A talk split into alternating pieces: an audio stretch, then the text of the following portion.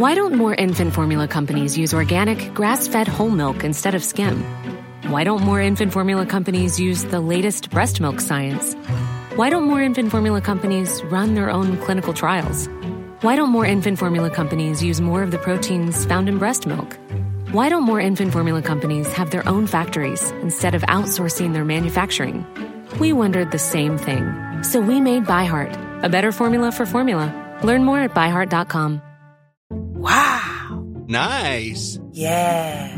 What you're hearing are the sounds of people everywhere putting on Bombas socks, underwear, and t-shirts made from absurdly soft materials that feel like plush clouds. Yeah, that plush. And the best part? For every item you purchase, Bombas donates another to someone facing homelessness. Bombas. Big comfort for everyone. Go to bombas.com slash ACAST and use code ACAST for 20% off your first purchase. That's bombas.com slash ACAST. Code ACAST. I'm Sandra, and I'm just the professional your small business was looking for. But you didn't hire me because you didn't use LinkedIn jobs. LinkedIn has professionals you can't find anywhere else, including those who aren't actively looking for a new job but might be open to the perfect role, like me. In a given month, over 70% of LinkedIn users don't visit other leading job sites. So if you're not looking on LinkedIn, you'll miss out on great candidates like Sandra. Start hiring professionals like a professional. Post your free job on linkedin.com/people today. Det här är Paparazzi, en podcast där vi går in på detaljer om kändiskvaller och populärkulturella nyheter. Ja, vi kommer att prata om allt du vill veta och allt du inte ens visste att du ville veta om kändisar. Jag heter Max. Och jag heter Michelle. Gör, prata stockholmska nu. Hej Michelle. Hallå där Max! Hur har du det idag? Mår du bra? Ja, jag mår jättebra. Nej men alltså nej, det här går jag inte med på. Det här vägrar jag. Nej, Men du ändrar ju Va? bara din röst. Du Jag blir bara bög. eller jag är redan bög men jag blir mer bög. Du blev en tjej. jag blev en tjej, det är så sjukt. Du, Vill du veta en kul grej om mig? Att Ja, eh, när, när, när jag var liten, alltså yngre, eh, så var jag jättemobbad för min röst. Så då... Mhm. Det tycker jag typ att jag också alltid har blivit. Till exempel när vi startade den här podden. Och någon skrev det. att jag låter Åh. tillgjord. Men alltså jag låter ju tillgjord. Alltså det är ju facts. Ja, det är de sa. ju- Men det det, är tyvärr inget jag kan göra åt saken. Nej. Men berätta en rolig grej om dig. Nej men då pratade jag liksom en oktav högre än vad jag pratar nu. Ah. Och då eh, tvingade jag mig själv att lägga mig en oktav lägre. Gud, hur gör man det? För det sku, sku, mm. skulle jag väldigt gärna också vilja Mm. göra. Det gjorde jag i alla fall och det funkade.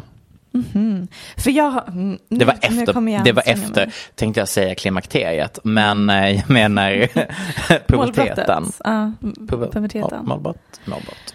För att jag tycker att jag pratar som en bebis som försöker låta liggbar. Mm. Men det är väl Sexy Bebis som Moa grundade. Det är ju en grej. Sexy Bebis. Sexy Baby. Moa Wallin. Ja. Mhm. Hon grundade väl inte det, men hon pratade jättemycket om att hon var en liten sexy bebis. För jag känner också att det är någonting jag har grundat. Alltså jag Ah. känner mig väldigt mycket som en sexy bebis. Ja, men jag tycker du är sexy bebis. Eller, jag vill liksom, ah, anyways. Vibe check, hur mår du? Super. Stammade jag lite där? Super. Det gjorde du verkligen Inte inte. ord lät så, kändes så. ja, ja. Hur mår du? Också jättebra. Du sa tidigare ikväll att um, största förlusten i ditt liv att du inte gick lumpen. Det tyckte jag var jätteroligt. Mm. Men det var ju bara för att jag missade runket i duschrummet. Men jag kan meddela alla att det sker även på gym idag. Har du varit med om det på, när, nu när du har gymmat? Nej, för att jag går på det enda gymmet där det inte finns några bögar eller eh, garderobskillar. Eh, killar. Men tydligen så ska man gå på andra i Stockholm. Det finns väldigt kända sådana. Ja, ja, det kan jag verkligen tänka mig. Mm. Hur sjukt är det för övrigt att folk har gått lumpen? Nej men det är jättekonstigt. Det, det, det är så sjukt. Men jag brukar ofta tänka hur skönt det är att, att uh, vår generation är liksom det här gl- glitch. Ah, vi- The glitch in the matrix. Verkligen. När man är född typ så här 90, vad fan är det, typ 93, 94, 95, 96, 97. Så bara, då trodde inte Sverige på krig. Nej. Anyways, vad har hänt i veckan egentligen? Nej men alltså, jag har ju fått en känsla av att veckan, eftersom att vi då visste att vi skulle få en intervju med Meghan och Harry och Oprah. så gick ju allting varmt leading up till intervjun. Så hela veckan har ju handlat om andra anklagelser som har dykt upp om Meghan. Precis. Och Vill vi du- har fått en, ett litet tal från drottningen och allt det här ska ju du Ja, hjälpa kan oss jag få bikta igenom. mig i en sekund? Vad sa du? Kan jag få bikta mig? Att innan du, när du kom hit Mhm. så var det ju kaos här hemma. Jag var lite så, jag bara oj just det, du skulle komma hit. Anledningen till det är för att jag tänkte skriva ett blogginlägg som sammanfattar hela Mm. Meghan Harry situationen fram till den här Oprah-intervjun. Tror du jag hann färdigt att skriva det Nej. blogginlägget? Absolut inte. Så att det är det jag har ägnat hela min dag åt. Starkt. Så att nu, ja, nej men jag har inte, jag har, det är det jag har förberett inför poddavsnittet. Nej, Men underbart. Jag kommer ta oss igenom James Charles anklagelse om att han eh, vill ligga med minderåriga. Ja, någonting jag brinner för och Jag jättegärna vill prata om. Och sen så kommer jag ju dippa mina tår lite i Army Hammer situationen igen. Perfekt, ja, you guys, rest a motherfucking sure att jag kommer prata om Hilaria Baldwin. Underbart. Kommer vi slippa dig säga Elaria eller kommer du göra det genom hela Eh, no. segmentet? Eh, Max, eh, come si dice Hilaria Baldwin? inte det italienska? Jo! Jag bara, eh... She's on something. Men jag tror Jag vi är pluggat, jag har ju faktiskt pluggat italienska i ett år. ehm, flex. Eh, men jag kan, jag kan ju ingenting. Alltså jag verkligen undrar, pluggade jag verkligen italienska Mm. i året? I Italien, herregud. Sara Larsson släppte sitt album i veckan. Mm. The much anticipated, the only true royal in Sweden, Ja. Zara Larsson. Ja. Thoughts? Jag eh, kan inte riktigt förstå hur det tog så lång tid att släppa det albumet. Det vill jag bara ha sagt. Nej men det är ju någon, någon, någon brist på organisation som sker på bolaget. Men alltså jag känner att vi har pratat om detta så många gånger innan om att hennes team behöver ju avskedas och eh, få nytt team. För jag vet inte riktigt hur man lyckades liksom fucka med hennes momentum som ändå var typ för tre år sedan. I don't get Och it. låtar som släpptes, alltså när släpptes Wow? Den, ett, två år sedan? Jag menar du första omgången eller andra omgången när det blev en riktig singel och fick quote hennes egna tweet. En riktig single treatment. Just det. Och det här är inte att vi driver med Sara. Nej! För att jag vill ingenting heller. Alltså jag tycker att Sara är en av de bästa artisterna Sara vi har. är en av de bästa artisterna vi har på liksom the Sättet, stage. hennes vocal, hennes personlighet, Ja. hennes karisma Ja, på allt. scenen, den är unmatched Ja, bland många popartister just nu. Hon har ju det folk drömmer om att ha. Ja, hon har the X-factor. Ja. Ja, det är bara frustrerande att se det vaskas ibland. Mm. Men med det sagt så är det inte som att det här albumet var dåligt eller en besvikelse. Men jag vill ju att hon ska eh, liksom bli Ariana Grande i nivå och det var ju inte riktigt där. Jag fick lite känslan av att låtarna var B-sidan av första albumet. Ja, det tror jag inte riktigt. Men det var ju inte... Förutom Look What You've Done. Mm, den var jättebra. Oj, har du sett eh, när hon uppträdde med den live på Ellen? Ja, alltså Oj, oj, varför- hon oj, är oj. så bra. Förlåt? Hon är så bra. Hon är så bra. Jag har dock en kritik att ge. Ah, som är... eh, För det var inte alls kritik att jag kallade albumet B-sidan av första albumet. Nej men det här, min kritik är väldigt besserwissrig Mm. dryg. Kör. Ska du skola hennes engelska nu? Max, Det är det du ska. engelskan, eh, engelskan ska skolas. Oh, kör. Och gudarna vet Mm. att min engelska är långt ifrån, perfekt. Men det stoppar mig inte från att kritisera andras. Är inte det hela vår grej? Jo, det, det är vår Jag tror absolut att det var USP. Nej men ehm, den är så, den är så kon- alltså man märker att det är musik skrivna av Svenskar. svenska låtskrivare. Till att börja med i låten Wow, att hon bara baby I'm not even in a gown. Gown betyder balklänning. Det är bara, det är bara så awkward sätt att uttrycka sig på att jag har inte ens på mig en balklänning men ändå tycker att jag är het. Men sen också att hon sjunger någon låt nu I don't need someone, eller vänta nu ska vi kolla upp här. Just det, låten heter Need someone, hon sjunger Yeah I'm happy I don't need someone. That doesn't make sense. Man säger I don't need anyone or anybody, man säger inte I don't need someone. även här i, eh, vad heter det, Gud vad jag låter som en person som behöver bli cancelled. Men jag har en poäng med det här. Vänta lite. det låter framförallt som en tjej med mycket fritid. You're not wrong. Is there a spark for us or is it just purely platonic? Is this our story arc? Because if it's our, it'd be iconic. Oh, det var ett rim som inte finns. Man säger if it is, mm-hmm. inte if it are. Nej, men det, det är verkligen... Jag fattar att när man Det är melodiskt skriver, rätt. När man skriver lyrik, mm. framförallt, alltså, It doesn't always need to make sense. Nej. Men det är mycket när man lyssnar på det, man bara, vad sa hon nyss? Mm. Det gör ju att det känns lite, det blir lite svenskt. Det känns... Och det vill vi ju inte att hon ska ha. B. Och min poäng här är, jag tror min poäng är att när man kollar på många av de här artisterna som de som utmärker sig som kritikerrosade, eh, hyllade popartister versus de här Eva Max, Bibi Rexa, mm. de som lite så här finns, och, generiska, finns och, och blir inte så hyllade liksom. Skillnaden däremellan är att det handlar ju såklart om liksom det blir någon slags klassfråga, det blir någon slags eh, finkultur, fulkultur, hävda sig kulturellt och så vidare.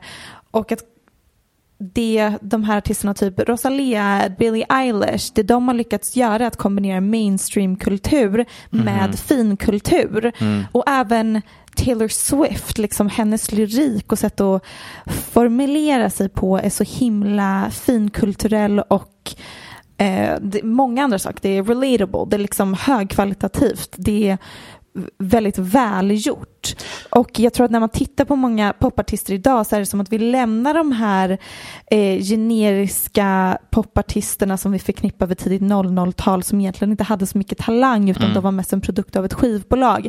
Vi lämnar dem efter oss och går in i en ny era av kreativa genier som det är pop, det är populärkulturellt men det är någonting annat. Mm. Och jag tror att när jag hör lyrik som bara känns Där. klumpig, uh. den känns awkward, då förknippar jag det med the Eva Maxes of the world. Även om Eva Max, she's good at writing lyrics, men ni fattar. Mm. Jag vill att Sara Larsson ska vara, inte highbrow, men det ska vara högkvalitativt. Mm, mm. Nej men alltså jag tycker framförallt att det är väldigt spännande när man lyssnar på olika försök till Billie Eilish-kopior. Där liksom så här, man, man inser att det Bill Eilish har är det ultimata kombinationen av rösten och jävligt stark lyrik. Mm.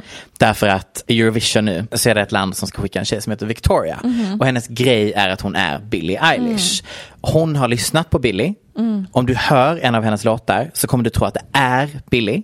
Men sen när du börjar när du lyssnar på texten mm. så blir det så uppenbart att det är en person som bara har copy-pastat mm. utan att faktiskt ha riktig eh, mening mm. bakom lyriken. Precis. Och det är ju det som blir det du säger här, att liksom det stämmer melodiskt, det är bra sjunget, allting är liksom där, men den här sista lilla findetaljen saknas.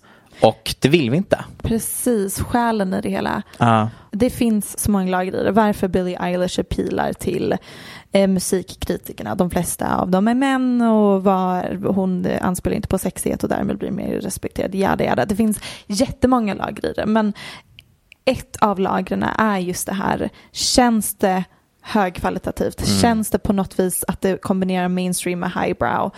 Då är det liksom 2021 det man letar efter i en popartist. Mm. Och jag blir bara väldigt frustrerad när hon säger is this our story arc? Cause if it are, it'd be iconic. Mm. Eh, det var mina två cents mm. om Sara Larsson. Men också stream. stream poster girl for screen clear skin.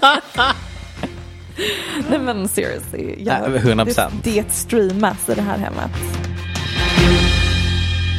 Nu är jag inte en person som försöker dölja något, men om hela världen den senaste tiden skrivit långa artiklar om hur absurd jag är i sängen.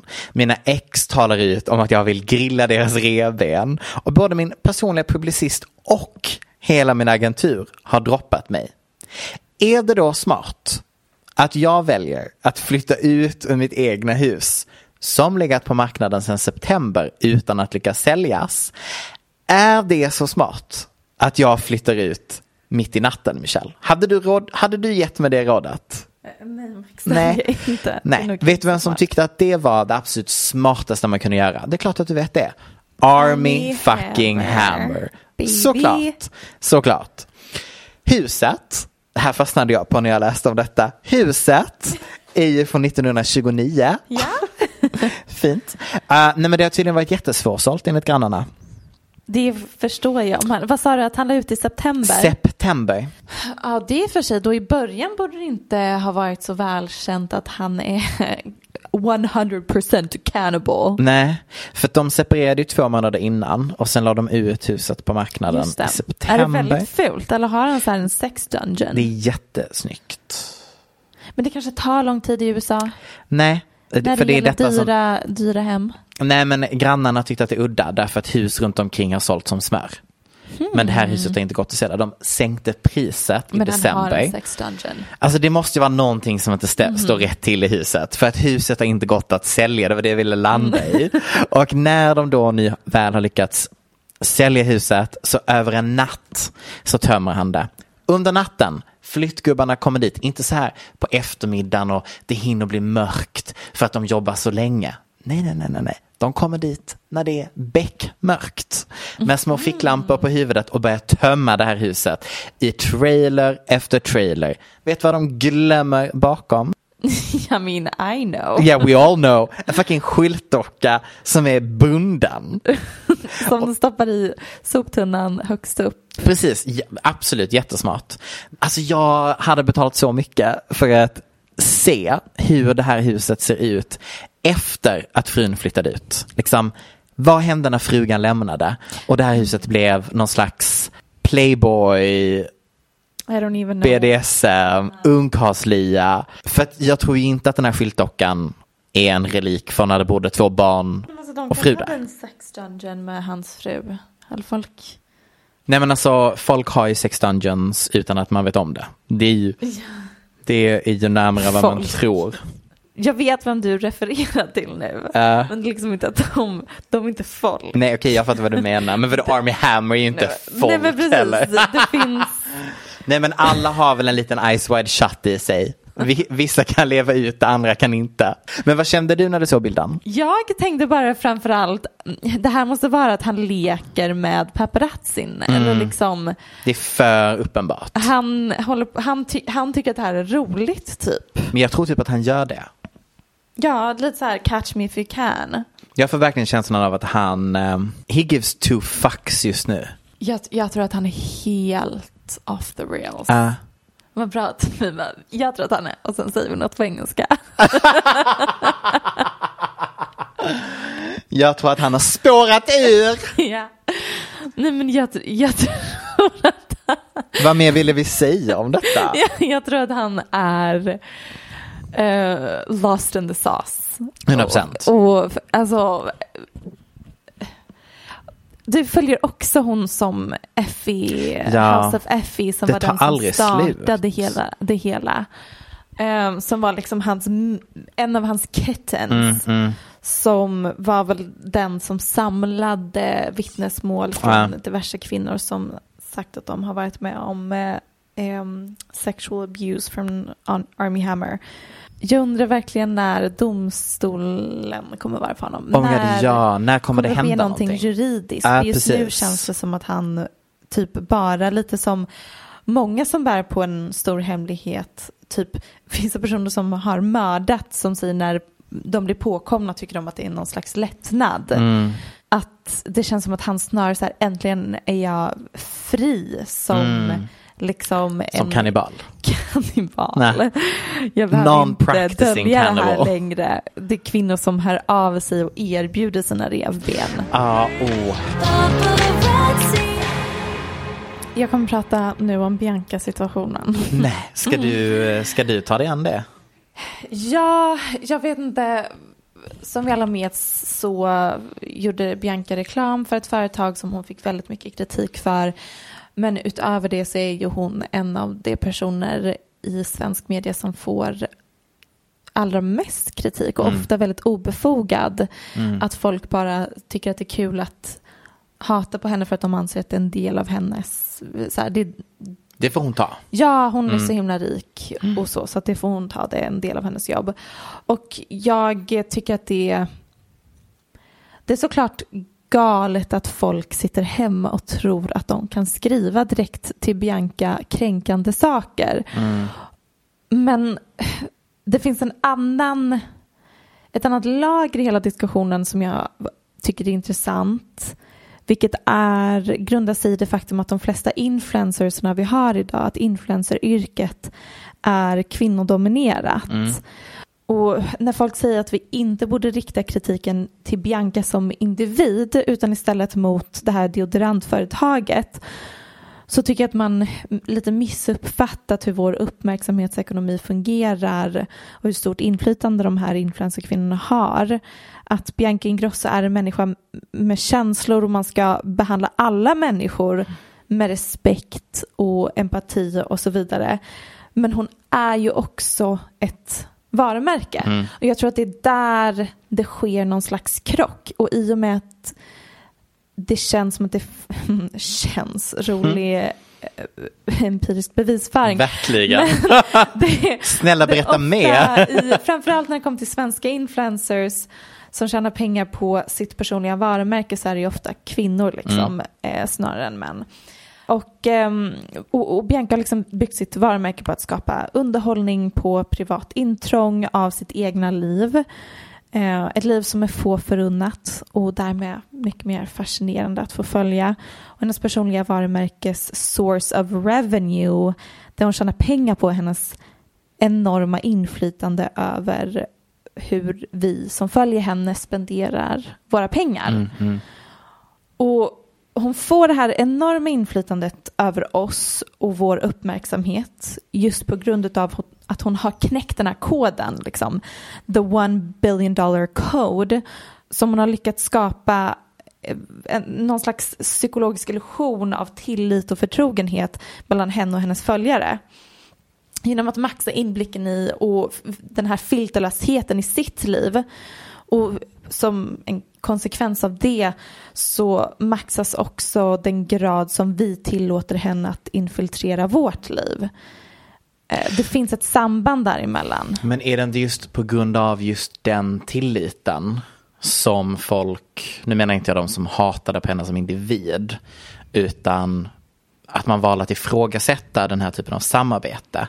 Det kommer väl ändå ifrån att man anser att hon på något sätt har den här extrema Um, inflytandet, inflytandet unga på kvinnor. unga kvinnor. Precis. Och det är väl där liksom. Det är där det sker en det blir så svårt krock då. som är mm. intressant. För att mm. den, det inflytandet är min poäng finns inte riktigt bland män på samma sätt Nej. för att de har inte knäckt den här koden för hur man skapar en illusion av tillit och vänskap för att de är inte lika bra på att skapa innehåll om sitt egna liv. Um, vilket gör att det känns som att vi har en massa kvinnor och influencers som känns som allmän egendom man kan liksom inte förstå hur mycket influencers påverkar våra liv. Från vilken middag vi ska äta ikväll till vilka politiska frågor vi brinner för. Ah, jag tror nog att det går att bara fråga valfri eh, vit tjej i Sverige 2020 alltså, som åt Biancas mat konstant. Nej, men alltså, den enda maten jag, goda maten jag lagar är för att jag sett någon på Instagram mm. laga den maten. Det, det blir någon slags krock att ja, det här, hade det varit en man som gjorde samma sak så hade han inte fått lika mycket hat och kritik för att det finns så många manliga influencers, eller män i allmänhet som kommer undan med så himla mycket sjukare saker. Men alltså så här, jag, jag, kan, jag kan liksom så här vara the devil's advocate och bara så att bara för att branschen är kvinnodominerande, bara för att branschen är, eh, att, att det är kvinnor som är den största rösten, ska man då inte kunna kritisera ehm, Jo, beslut. jo, det ska man. Men liksom. för, för det, alltså, jag tror det, det jag landade i som jag tycker blev så skevt var att jag förstod kritiken om själva företaget. Inte hur vi hamnade i att Bianca Ingrosso borde dö. Det är självklart. Alltså, Alltså, nej, alltså, det, det var det där, är självklart. Det var liksom där som jag bara så Att här, det är jag absurt. fattar, ja, jag bara säger, jag fattar liksom inte hur, för en gångs skull ett intressant ämne som man skulle kunna prata om. Så här, vad har man för ansvar som influencer? Hijackades. I just don't get it. Jag tycker att Fanny Klefelt la upp ehm, en, en bra mm, story om det. Bra- Folk börjar skriva till mig om befogad kritik och min huvudpoäng är då att absolut, men är din befogade kritik jämställd? Är den 50-50? Eller om man är manshatare som jag, 10-90, för snubbe är väl typ 90% av allt dåligt. Om kvinnor som syns ska cancelas och granskas sönder och samman medan killar kan komma undan med all möjlig skit i tystnad. Gör ni verkligen någonting produktivt med er befogade kritik? Eller föres- fortsätter ni eh, se till att kvinnor håller käften och lämnar plats till killarna så att de kan fortsätta göra vad fan de vill. Så att 100%. därför så finns den här dubbla, ja, att Bianca får så himla mycket kritik för det här, det grundar sig i kvinnohat. Vi hade aldrig riktat så här mycket kritik till när ett man gör ett snedsteg. Nej. Ja, alla vettiga människor förstår det. det. Det är inte den diskussionen jag är intresserad av, utan det är snarare det här, nu har vi en bransch som, eh, där det framförallt är kvinnor som eh, pionerar den branschen. Och hela den branschen grundar sig i att de här experter på att skapa en konstig psykologisk illusion av att de känns som allmän egendom. Och det är det de kan kapitalisera på. Och jag vet liksom inte om, om det var the roles were reversed, Reversed, att det faktiskt var män som var pionjärer inom den branschen så hade det förmodligen inte, då hade jag förmodligen inte suttit här och pratat om att de bär något slags, slags ansvar som pers personligt varumärke. Men jag tycker ändå att det finns någonting intressant i att nu har vi den här branschen där det är kvinnor som kapital- kapitaliserar på det. Ha, det. Det är klart att de har något slags ansvar men det blir konstigt när vi då pratar om det som att vi kritiserar Bianca som individ när det bara är att vi kritiserar liksom, det känns snarare som att vi kritiserar samtidsandan. Det här fenomenet som finns i vårt samhälle. Och då blir hon det förkroppsligat och det måste suga att vara hon och förkroppsliga det och få allt all kritik riktad mot sig. Men det är lite det det är att vara Pionjär. en, inte bara pionjär utan bara så här em, en förkroppsligad version av vår samtidsanda. Det är det som är att vara Kim Kardashian. Hon är ju bara en produkt av oss som samhälle. Det vi riktar vår uppmärksamhet mot, det vi provoceras av, det vi fascineras av. Ja. Jag ska i alla fall köpa deodorant for my coochie. Ah, Springer älskar till apoteken alla as we speak. som luktar kön. nej, nej, nej, nej, nej. Min ska lukta coconut. Du, nu ska vi prata om eh, the one topic we came here to talk about. Ilaria Baldwin. Baldwin. Baldwin. Uh, Baldwin. Precis efter vi spelade in förra avsnittet Mhm. så scrollade jag min Instagram och där dök det upp en bild på Ilaria Ja. med en bebis och en ännu mer bebis. Mm. Alltså spädbarn och typ några månader gammal bebis. Mhm. Det finns inget sjukare än att se en liten bebis bredvid en stor En- en- bebis. ja. Det, det Jag skulle säga en liten bredvid en ännu mindre. Men sure. Nej, men alltså Bebis två, och större. Två kategorier av bebisar Ja. bredvid varandra är jättekonstigt för ögat att se. Ah, Men det, var jag, det fick jag se i mitt flöde. vad tycker man är gulligast?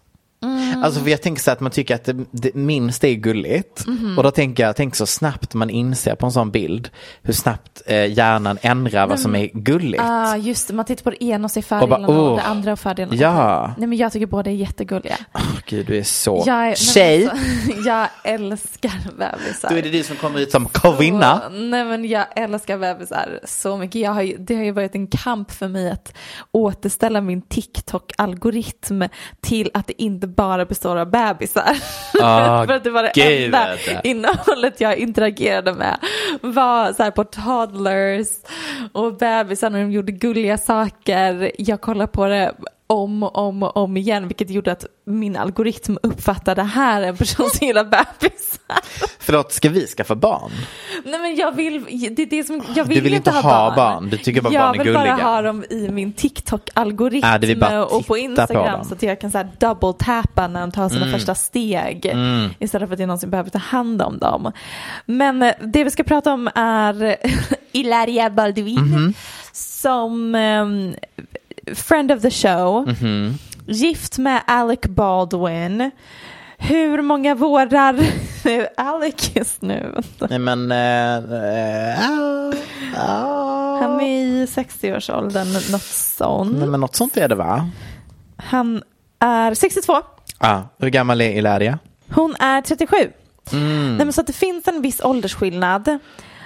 Och hon la upp den här bilden på alla sina barn och en ny bebis. Men jag så bara reagerade knappt på det. Nej förlåt, bara- du, du la väl, eh, förlåt, la- du la väl upp en bild på detta och bara, jag bara "Nej, nej, nej." nej, och pratade om något annat. Och sen så var det många som sv- svarade på det och bara, men Det är hennes barn. ett sjunde barn, Mm, vart mm. fick de den ifrån? Och jag bara, men de måste ha lånat den från en kompis eller någonting för att Hilaria fick ett barn för fem månader Ja, sedan. alltså matten går inte ihop. Hon kan inte ha fått ett till barn nu precis. Såvida inte hon har reinventat den kvinnliga fysiken. Om det är någon som Så kan få Hillary. barn på fem månader bara så, så är det verkligen Hillary. Gud, det låter så fel att säga Hillary. Men det är ju hennes riktiga namn. Ja, jo det är det. Jo, för de som inte hänger med nu. Ja, det här gud, är alltså för nu pratar vi gulliga cirklar. hon är gift med Alec Baldwin, Ja. mycket känd skådespelare, jada jada. Hon, för, i december förra året så kom det fram att hon har ljugit om att vara spansk i typ ett årtionde. Och det ryktades om att det var på grund av att hon fick höra att Alec gillade latina women. Mm. Så då Selma Hayek var han väl lite sugen på det. Hon överdrev sin spanskhet vilket var att ja, hon har, hennes föräldrar har haft ett sommarhus på Mallorca men hon är inte spansk. Förlåt, tänk om alla i Sverige hade claimat spanskt heritage för sina sommarhus på Mallorca. Nej men alltså same. Förlåt, då hade ju verkligen så här halva Sverige Ja. bara Michelle! Äh. Va? Förlåt? Ursäkta, vad det? Nej. Men då hade hon har brutit på spanska under hela deras äktenskap. Hon har döpt alla sina barn till så här Carmen, Mm. Eduardo. Och de hade spanskt tema på deras bröllop. Och sen så nu så outade någon att hon heter egentligen Hillary Hayworth Mm. tror jag. Och från Boston typ. Och har hängt lite i Spanien på somrarna. Så bara det i sig är så här iconic. Älskar henne. Mm. Jag har ju följt henne länge och varit besatt av henne länge. Men du har varit sagt- besatt av hennes, förlåt, hennes träningsvideos. Ja, nej, men hennes, hon är ju så här besatt av att rasa i vikt efter Ja. hennes graviditet och barn hela tiden. Och nu, från ingenstans har de, hon födde en bebis för några månader sedan och nu har de en ny bebis. Som hon omöjligt kan ha fött, Michelle. Nej men jag bara okej, antingen så här, först tänkte jag att det här måste vara surrogat. Ja. Eller så har de adopterat. Och sen trillar polletten ner. Jag bara, vänta lite, Alec måste ha varit otrogen. Det, it's the only thing that makes sense. Men att För hon har accepterat det. Ja, för det hon skrev som caption på hennes Instagram-inlägg var siffran sju. Mm. Vilket är för att Alec har ett barn sedan innan som heter Ireland. Mm. Och sen så har de, så att han har ett barn och sen så har de fått fem barn. Och sen så nu ett till. Så, äh, jag, Förstår du vad jag menar? Att det här är liksom Mm. Hon hintar Alex är sjunde barn. Ah. Och så tänker jag om det är någon, för Hilaria har pratat om att hon vill ha en dotter och det här ser ut att vara en flicka. Hon fick höra han har vänsterprasslat, fått ett barn med någon annan. Och så har hennes lögn precis kommit fram så hon kan inte riktigt ställa krav. Det blir konstigt om hon Precis. skulle, om, hon skulle vända bara, sig. Nu blir Alec, det blir skilsmässa, Ah. PGA, ditt vänsterprassel. Så hade han bara, Hon "Förlåt?" Förlåt, du har ljugit om att vara spansk i ett Förlåt, vi hade ett spanskt tema bröllop. Eh, jag tror nog att om du är arg på att jag har dig ner i båten ljugit, Hilaria. Jag får ligga med vem jag rannsaka vill. dig själv. 100% att han har varit otrogen och att de båda Men vet du, sen kom det här, den här intervjun grävdes fram online. Nu ska du få se. Does your wife, is there any chance that she would want more children or is she done? Um, I told her that I wished her and her future husband all my best wishes. If she wants any other children, that would be with her next husband, her second. Yes. Well, when we had, we, we had, uh, my wife was pregnant with a girl, and she lost the baby. She was very vocal about that, about miscarriage, and she lost the baby after four months. Right. So she said, I said, you know, I said, you know, I mean, she did in vitro for a girl, and she was very upfront about that. So I said, let's just do it the old-fashioned way. And I, I said, statistically, what are the odds we're going to have four boys in a row? I mean, what are the odds? Right. You know. And now I found out the hard way that the odds are definitely not in my favor. Det här är en intervju med Alec Baldwin från september 2020. Mhm. Han är med på Conan. Det var kort efter eh, Hilaria födde deras femte barn, Eduardo. Så, Men, men förlåt, är det inte bara att hon har varit gravid, födde ett barn och samtidigt hade ett backup-barn i en surrogatmamma? Ifall att det inte skulle nödvändigtvis funka. backup barn, men så här. Hon gjorde IVF för att få en dotter. De fick missfall. Och när var detta? Och, jag, I don't know, då måste jag räkna ut det. Men Ah, det var mm. nyligen. Mhm, Och sen så blev hon gravid med en son, Eduardo, Mhm. inte via IVF. Och de bara, en femte son, jag ville verkligen ha en dotter. Och då skaffade de surrogat Mm. för att få en dotter. Vilket gör att de nu har liksom typ tvillingar, en son och några månader senare en dotter. Och det är barn sex, eller den som kom Sju. nu? Det blir den sjunde. Okej, Så Eduardo nummer sex. Den här dottern blir nummer sju. okej. Jag vet inte om det här är sant. Det kan ha också varit att Alec vänsterprasslade. Och det är bara konstigt för att han säger i intervjun, vilket måste ha varit liksom i samband med Medan hon var gravid med Eduardo säger ju han att vill hon få ett till barn så måste det vara med en annan man. Så därför är jag inte helt säker på att den här teorin håller. Nej. Men det är, hmm, it's an interesting household. Så sitter vi här igen med kombinationen anklagelser om sexuella trakasserier och källa TikTok. Perfekt. Som sen får liv via Twitter. Ja. Eh, a tale all this time, som man säger. Gud, källa TikTok som sen får liv och spridning till millennials via Twitter. Du, Vår samtid. ja, men det var sant. Denna gång är det James Charles som hamnat i blåsvädret för en vecka sedan. Och eh, nej men, det är ju inte första gången som James Charles är i denna typ av, ska vi säga, hetluft. Alltså Nej, sexuella Det känns väldigt återkommande. Vi får ju trots allt spola tillbaka bandet lite den här gången. För det första James Charles, ja, youtuber, makeup-artist. Ja. Hello sisters. Hello sisters. Känd från eh, vitamin... Gate. Eh, gate. Nej men alltså iconic. Eh, och det är precis det jag vill spola tillbaka bandet till. För att vi ska förstå Ja, var, var allting började nämligen. Och det är ju när han blev totalt cancelled av Tati. Um, bästa vän, hårtabletter, grät ut på YouTube, bla bla bla bla bla. I hela den situationen så delgav hon ju även en historia om hur James Charles beter sig mot andra män. Efter Exakt. att han har blivit eh, känd. Det var Vilket här är, han raggar på straighta Ja. män. Och sen Vilket- blev han cancelled. Vilket hon tyckte var vidrigt.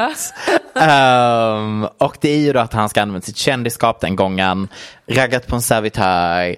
Eh, Tati tyckte det var jättekonstigt. Servitören talade ut och berättade att han hade känt sig, att ah, James hade inte varit elak eller han hade liksom inte gått över gränsen men det hade känts konstigt. Och hela grejen kändes bara väldigt, händer det här verkligen just nu? För att jag vet inte hur jag ska säga detta utan att vara problematisk, men ibland så känner jag bara att grattis straighta killar, ni förtjänar det är att vara kvinnor i det här samhället. Ja, men... När ni kommer i kontakt med en bög.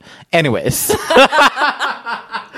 Long story short, nu sitter vi här igen. Den här gången är det inte Tati som är med. Men däremot är James Charles 21 år gammal den här gången. Och på andra sidan i den här lilla TikTok-gate, trigger warning, 17-årig kille som anklagar James för att ha sexuellt trakasserat honom online. För att summera situationen, du kanske har läst Jag artiklarna har- om det. Jag har läst det. För jag är så himla mycket team James. Just det, same. Det kanske vi inte ska avslöja redan. Vi får vara lite mer neutrala. Just det, jag är superneutral i Vi känner situationen. vi så neutrala nu. James, absolut. Kritiken han får, inte homofobisk. Nej, absolut inte. För att summera så ska den här killen, alltså då 17-åringen, ha tagit en massa screenshots på när James flörtade med honom. Han ska ha fått en bild skickad till sig på en nude av James Charles.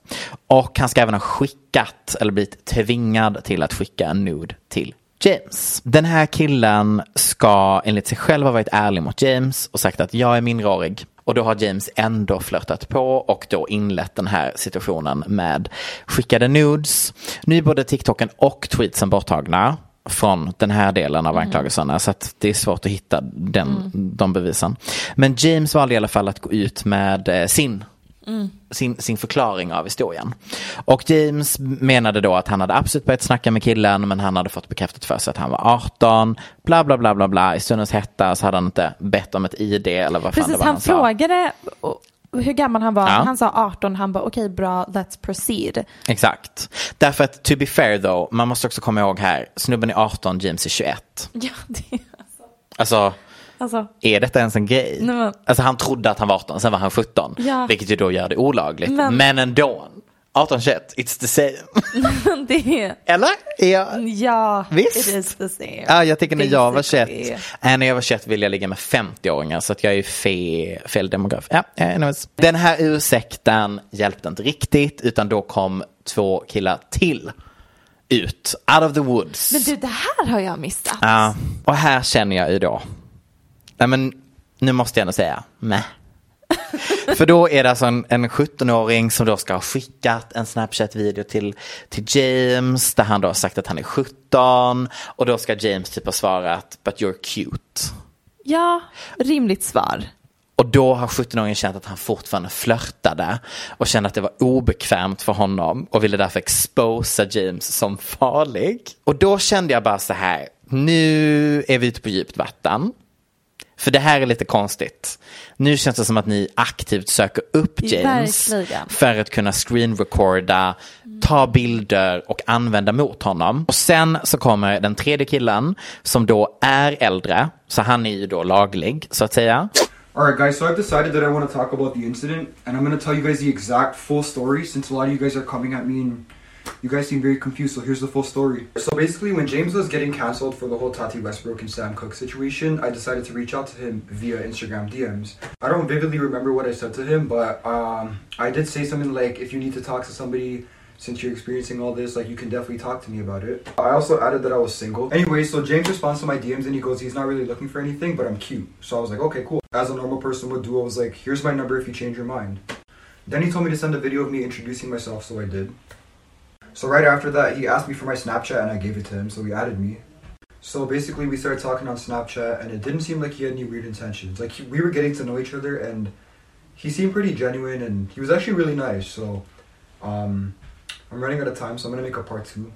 But yeah. Så nej, Michelle, vi kommer inte titta på den sjudelade TikTok-serien som se. den här killen, eller om du vill se kan vi titta, men, men den här killen har alltså då, han då exposar James Charles i sju delar.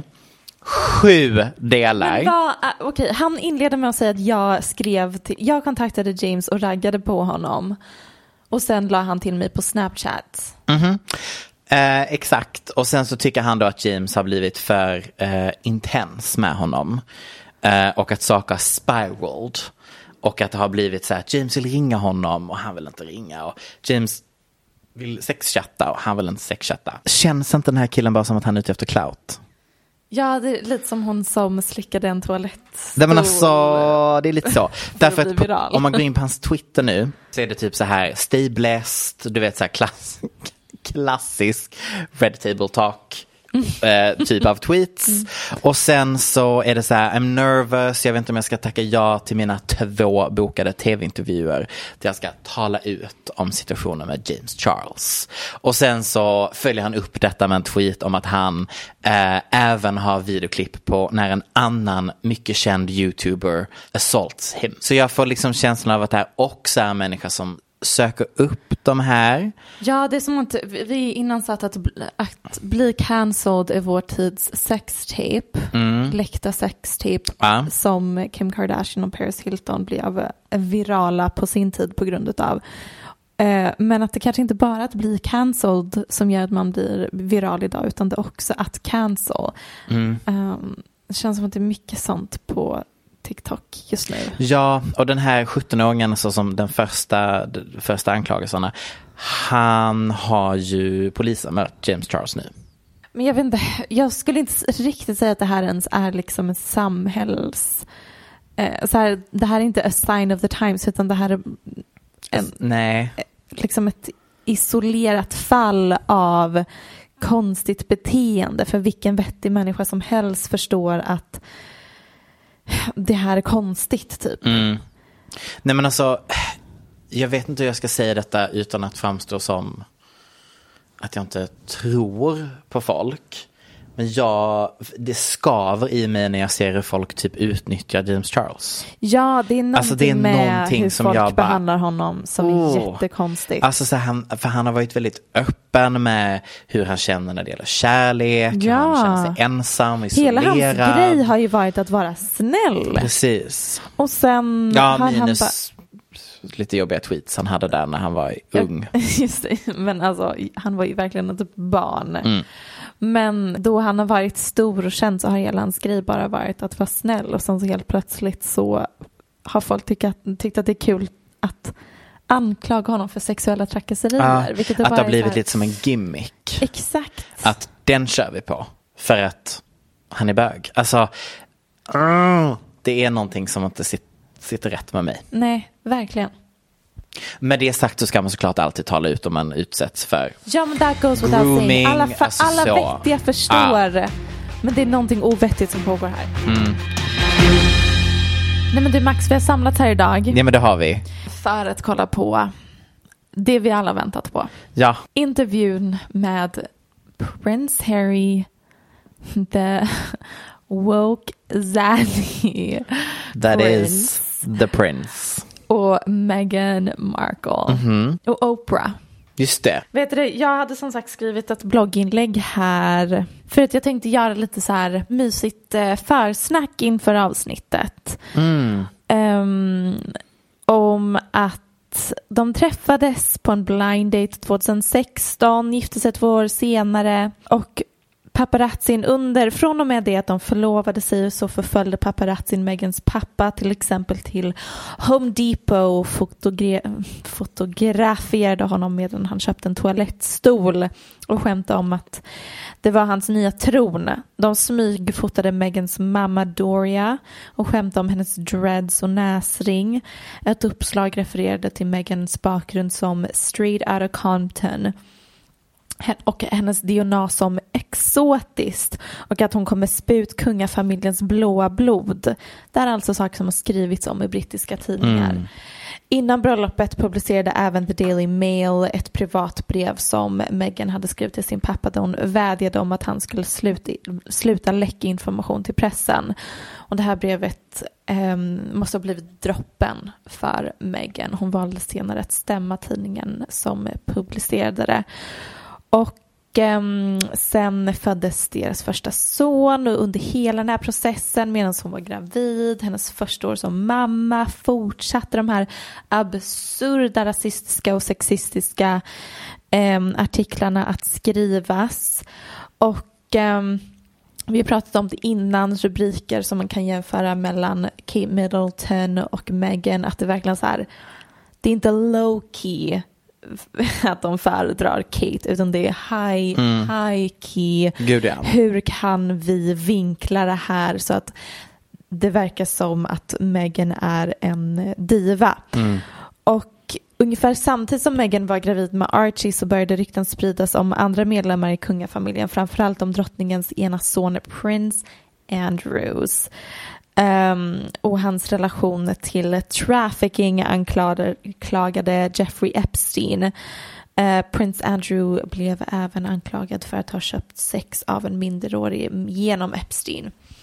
Samtidigt, det här är någonting vi pratade om alldeles för lite, men i samma veva så började det även skvallras om att Prince Williams, alltså Harrys bror, hade en affär med Rose Hansbury, a.k.a. Marchioness of Chalmondry. Förlåt, vad hette du, vad sa du att det var? Marchioness? That's a word. Marquise. Eller Marquess. Ja, där har vi en tjej som läser bokstäverna.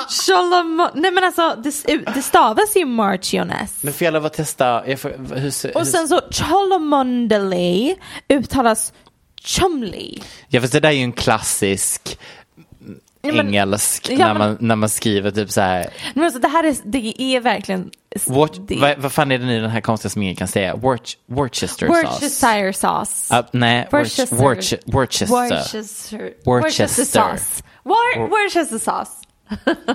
Yes. Nej men alltså. Men gud, jag har helt missat att eh. William doppade kuken i en rose.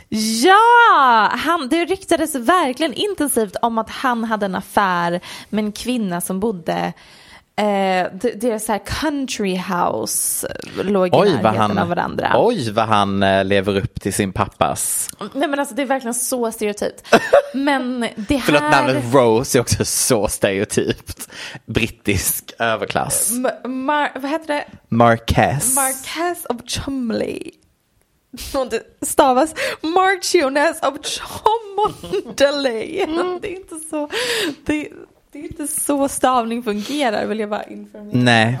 Men ehm, det här sopades ju verkligen under mattan för att det var så himla praktiskt att man kunde ehm, Läs om Meghan istället. Ja, eller Mm. så här, också så här att brittiska kungahuset kunde rikta uppmärksamheten mot Megans dåliga karaktär. Men problemet är väl också så här. Det är en grej att kungahuset vill detta, att kungahuset uppmuntrar till detta.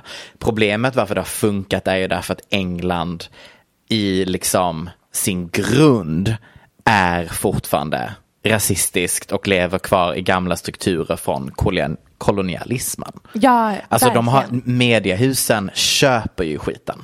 Mediehusen ifrågasätter inte, mediehusen tycker att det här är clickbait.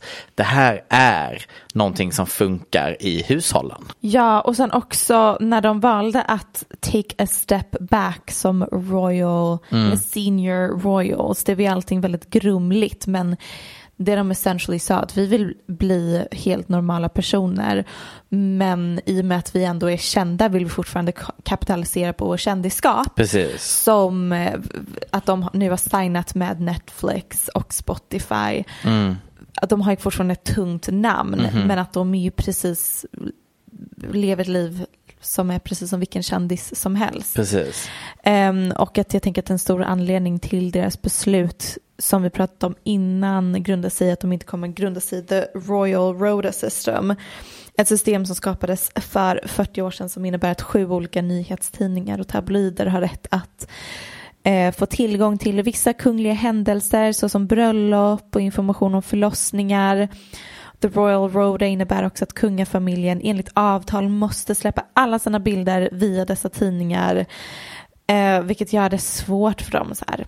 Instagram och whatever. Alltså Mm. det, det gör att de enligt kontrakt måste ge de här tabloiderna som skriver rasistiska och sexistiska, sexistiska saker om Meghan, de måste ge dem inblick i deras Mm. liv. Alltså det, det är en så absurd livsstil att leva. Men den kommer ju också ifrån att de ville modernisera kungahuset. Det här handlar ju från början om ett driv av att man ville släppa in eh, allmänheten. Så att Öppna upp, vara Precis. mindre korrupta och så, privata. så, jag, fattar ju, jag fattar ju konceptet bakom det här. Mm. Att liksom om vi låter de här liksom rotera på att få skriva saker om, om oss så släpper vi in allmänheten på något, eh, liksom att vi reglerar lite vad det är vi släpper in men att folk ändå får ta del av det. Mhm. Problemet är ju att ja, det är De- ju lättare Snarare att det blev att de inte, att tanken var att de skulle få mer inblick i typ drottningen. Liksom. Ja, eller så här kontroll över vad som skrivs om dem. Men resultatet blev att Meghan istället inte hade rätten till att uttala sig om frågor för att det var helt plötsligt kungafamiljen som bestämde vad Mm. de fick ha intervjuer om och inte. Och med vem? Ja, precis. Vi har ju sett lite av intervjun med Oprah nu. De bland annat säger så här att Oprah frågade om hon ville intervjuas innan deras bröllop. Men att hon var tvungen att tacka nej till det för att det var inte her decision to make utan det var kungafamiljen som bestämde om hon fick intervjuas av Oprah eller ej. Och att den nu måste känna sig som en otrolig liberation och frigörelse att hon äntligen får intervjuas av Oprah och berätta sin historia. Max, nu ska vi, nu det ska, ska vi, vi. ta oss igenom det här. Gud vad spännande. Och jag vill även bara flika in att för den här intervjun har Harry och Meghan tagit emot noll pengar. Ingenting till dem själva. Ingen donation. Det finns alltså inga, ingen pengatransaktion mellan deltagande och producerande. Tycker jag är, och det är ju för att de vill komma runt den här klassiska att man bara pratar skit om att de bara vill tjäna pengar på sig själva nu. Efter. Precis. Att ha lämnat och så här, kungahuset. precis efter de signade kontrakten, kontraktet med eh, Netflix så betalade eh, Harry tillbaka hela den summan som de använde det var ett par miljoner pund för att renovera huset som det var tänkt att de skulle bo i i England. Just det, som renoverades av skattepengar. pre- Precis, som Mm. renoverades med skattepengar som folk bara Okej, de vill inte finansieras av skattepengar längre men de har ju spenderat massa av våra skattepengar redan, Mm. jada jada. Men det första de gjorde när de signade sin första deal var att betala Men tillbaka det den summan. skrev man ju inte om i Nej, England. det, det skrivdes inte så mycket om, nej. Nej, Nu, ska vi, nu ska vi i alla fall kolla på det. nu ska vi titta. Gud vad spännande. what has happened. Do they think it's a toxic environment, or do you all just think it's a toxic environment because you're now out of it? Do if we were to have an interview with them or a conversation with them, does your father think it's a toxic environment or relationship No, I think, the he, I think he's, he's had to make peace with it. And why couldn't you make peace with it? I'll ask that of both of you. because it's, this was different, you know, It's different because different because of the race and social media. and social media. Oh yes, right? different time. That, that different time. That didn't exist. And so it was like the wild, wild west. It was Mm-hmm. spread like wildfire. Plus, my being American, it translated in a different way across the pond. So you had a noise level that was very different. But if they can't see that it's different, So you felt bullied on an international level. Look, I think the I think the volume of what was coming in and the interest was greater because of social media, because of the fact that I was not just British, um, and that unfortunately, if members of his family say, "Well, this is what's happened to all of us," or if his, you know, if if they can compare what the experience that I went through was similar to what has been shared with us. Kate was called Weighty Katie, waiting to marry William. While I imagine that was really hard, and I do, I can't picture what that felt like. This is not the same. And if a member of his family will comfortably say, We've all had to deal with things that are rude, rude and racist are not the same. Hmm. And equally, you've also had a press team that goes on the record to defend you, especially when they know something's not true. And that didn't happen for us. Concerns and conversations about how dark his skin might be when he's born. What? And Who who is having that conversation? Okej, Okej, nu är vi, Vi är halvvägs vi, igenom. nej, men vi är typ halvvägs igenom tror jag. Du tycker den är jättebra. nej men alltså Max, jag är golvad. Jag är mest förbluffad över att Oprah inte har åldrats. Var, varför har Oprah sett exakt likadan ut i 20 år nu? Jag förstår det inte. Jag känner också lite att jag förstår att vi tycker om hennes intervjuformat. Jag är rätt redo på att vi har någon ny. Ja, nej men alltså, vi lite- har ju några stycken. Ja. Men liksom, jag tycker hon ställer dem, eh, alltså the questions she's asking. Absolut. Lite första- dålig på att fejka reaktionen. Ja, där, där när, hon, när hon sa det där om att de, Att de, eh, inte, att de hade ställt frågan om huruvida barnet... kom vara mörkhyat. Och hon bara what? Jag Who bara, was asking that you question? are not surprised Nej. that the royal family is racist. ingen, ingen är förvånad. Jag när, jag när jag pratar med någon som är liksom i verkligen så här old money situationer där de förklarar någon rasistisk reaktion. Jag bara, what? That is shocking. That is news to That me. is- I had no idea. Men vad heter det? Um, blip, jo, Mm. det, det jag tänkte, det, det de pratar om först, Mm. som jag blev provocerad av, Mhm. Är att Harry inte riktigt hade förklarat vad det innebär att ingå i the British Royal Family för Meghan. Mm, Hon bara, mm. jag var naiv när jag gick in i det här. Jag fattade inte riktigt vad, jag trodde, jag har ju umgåtts med kändisar. Mm. Jag fattade inte riktigt vad det var att umgås med den här institutionen. Det säger mycket om henne också. Ja, Måste precis. ändå- man man måste får ändå här här. blåst intryck, Ja. och- eller naivt intryck. Men jag blir framförallt irriterad på Harry. Mm. Jag bara, men hallå, du har ju dejtat tjejer innan, du känner din familj bättre än någon annan. Du måste ha berättat för Meghan det här och det här och det här kommer du bemöta. Mm. Så här förhöll de sig till även Kate, även om de nu är positivt inställda till Kate. När hon gifte sig med William så det var var de i början verkligen testade de henne, Mm. skrev helt sjuka rubriker om henne. Brittisk press är känd för att vara väldigt, liksom, Hårda. väldigt hårda Mm. och problematiska. Så jag blev bara så här arg på att han inte förberedde henne Mm. på det här. Och jag tror att hon tänkte tabloidpress, ja men det är som i Amerika. Ah, And little did she know ja, att verkligen. England är ju grunden. Mhm. Det är ju det är de som går i bräschen för det som sen har genererat amerikansk typ av skvallerpress. Alltså det är verkligen Verkligen. dirty, dirty, dirty. Jag, jag kände lull inför att de räddar hönor. Nej, alltså Att de flikar inte. Man bara, okay, nej men hela det segmentet var bara okej gulligt. V- Va? Varför ser jag detta? Men jag blev varm i hjärtat över att drottningen har varit gullig. Mm.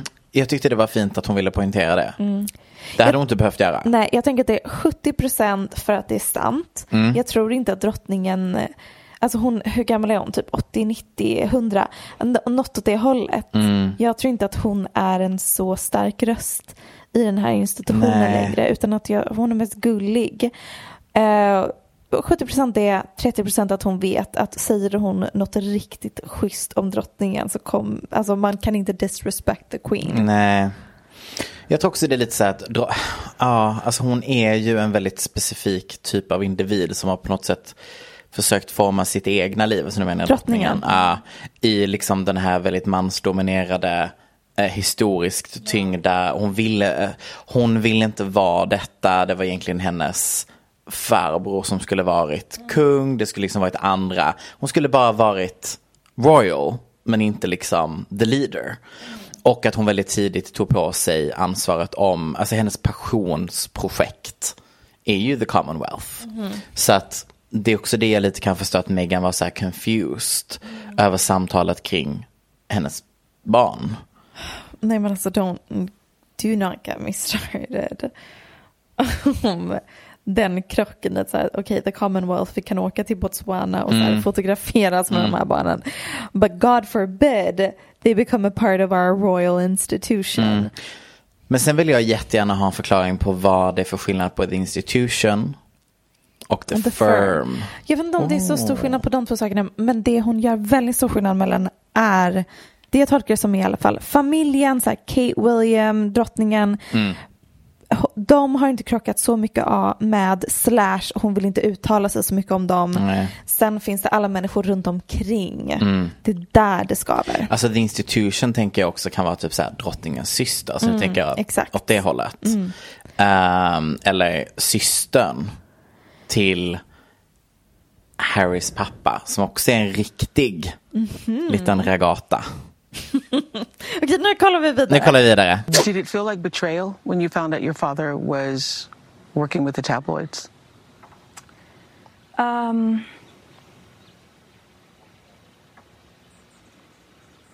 I'm just trying to decide if I'm comfortable even talking about that.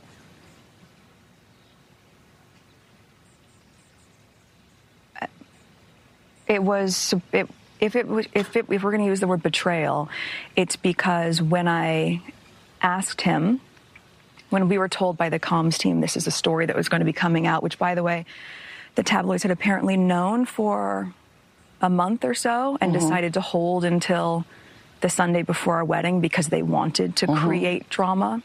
Um, which is also a really key point in all this. They don't report the news, they create the news.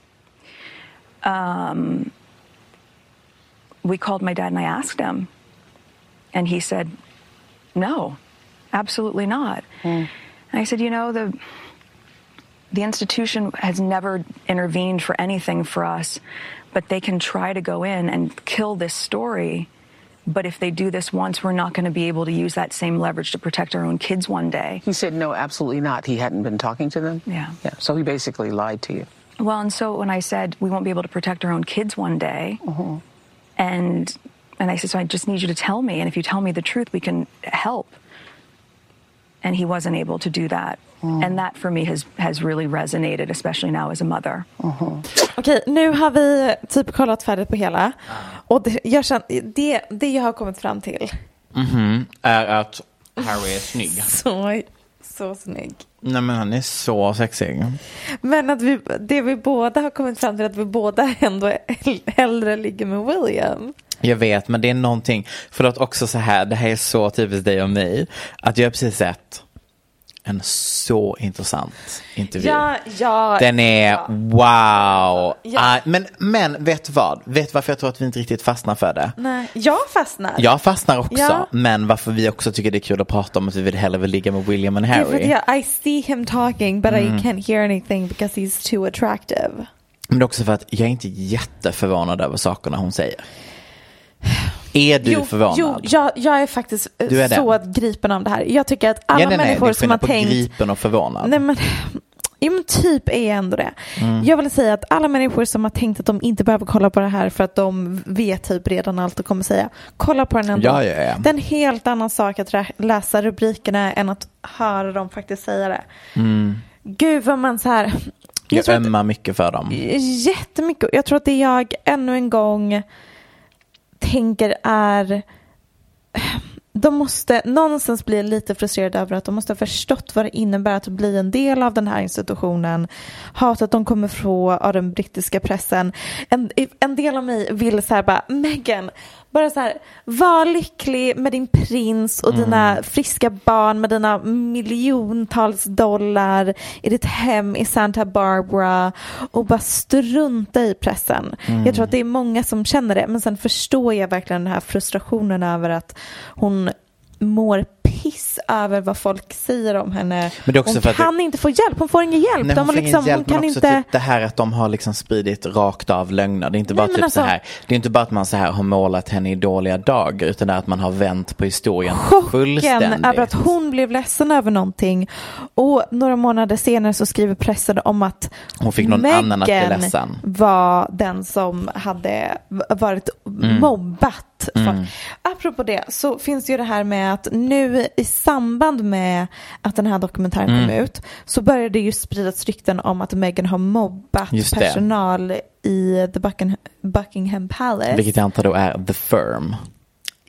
Ja. Eller?